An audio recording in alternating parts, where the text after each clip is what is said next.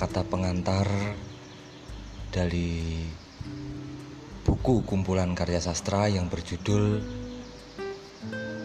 episode satu babak COVID-19 dan banjir kiriman kisah lainnya.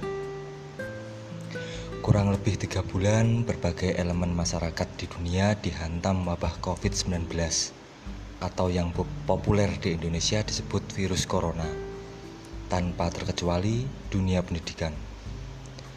Semua elemen termasuk dunia pendidikan mau tidak mau harus menyesuaikan diri agar tidak terombang-ambing di tengah badai virus yang telah memakan korban ratusan ribu ini. Dalam dunia pendidikan tersedia banyak pilihan media dan masyarakat akademik tinggal memilih media yang tepat dan cocok digunakan. Saat ini, pembelajaran daring memang tepat dan dibutuhkan untuk melanjutkan kegiatan belajar mengajar antara guru dengan murid, antara dosen dengan mahasiswa.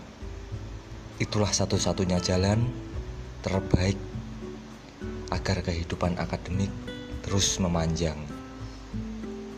Pada mata kuliah kreativitas sastra anak semester ini, pembelajaran daring tepat diberlakukan karena peraturan dari pemerintah peserta didik harus belajar di dan dari rumah dengan menggunakan media yang tersedia. Mahasiswa yang menempuh mata kuliah ini merupakan mahasiswa program studi PGSD Universitas PGRI di Bona Surabaya angkatan 2016 tingkat akhir atau semester 8. Seperti semester-semester sebelumnya, tugas akhir mahasiswa yaitu menulis karya sastra, cerpen dan puisi untuk dibukukan dan diterbitkan ber-ISBN. Sebelum cerpen dan puisi mahasiswa dibukukan dan diterbitkan, ada semacam seleksi ketat yang tujuannya berkaitan dengan otentisitas dan kualitas karya. Sebelum mahasiswa mulai menulis cerpen dan puisi, saya sebagai dosen pengampu memberikan seremonial berupa teknik menulis karya sastra, terutama cerpen, dari membuat kerangka hingga mengembangkan kerangka tersebut. Salah satu teknik yang diperkenalkan kepada mahasiswa untuk membuat kerangka yaitu teknik cilukba. Sedangkan teknik untuk mengembangkan kerangka yaitu teknik lima mekanisme pikir.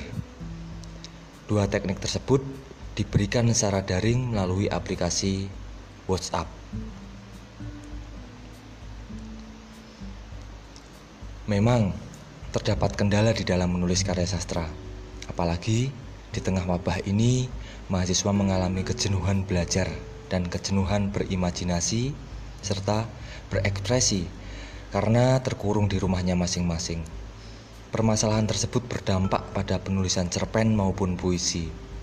Dampak utama terdapat pada penuangan ide yang kaku sehingga kerangka yang disusun terkesan beku dan sulit dikembangkan oleh penulis karya sastra itu. Ada beberapa karya menyuguhkan diksi yang monoton, ada karya yang kurang luas menceritakan suasana, tidak percaya diri menggambarkan karakter, dan gagal menyuguhkan pesan moral.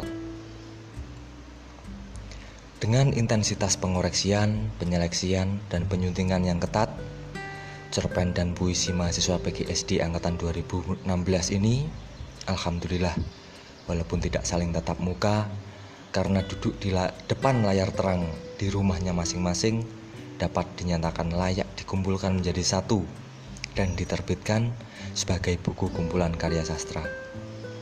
Karya sastra mahasiswa ini banyak menceritakan tentang situasi dan kondisi yang terjadi saat ini, yaitu kehidupan bermasyarakat di tengah wabah virus corona dan bagaimana masyarakat itu menyesuaikan diri. Untuk itu, buku kumpulan karya sastra ini diberi judul episode 1 babak, COVID-19 dan banjir kiriman kisah lainnya.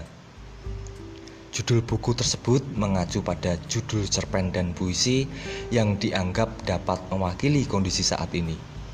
Walaupun semua karya sastra di sini secara kualitas baik. Buku ini secara keseluruhan memuat 36 cerita pendek dan puisi berjumlah 71 karya. Semoga buku kumpulan karya sastra mahasiswa PGSD angkatan 2016 ini berdaya manfaat untuk diri mereka sendiri ketika kelak menjadi guru.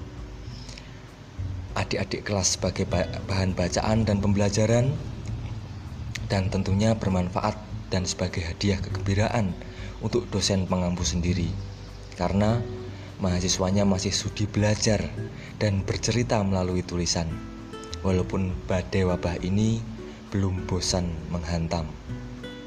Madiun 31 Mei 2020 Dosen pengampu mata kuliah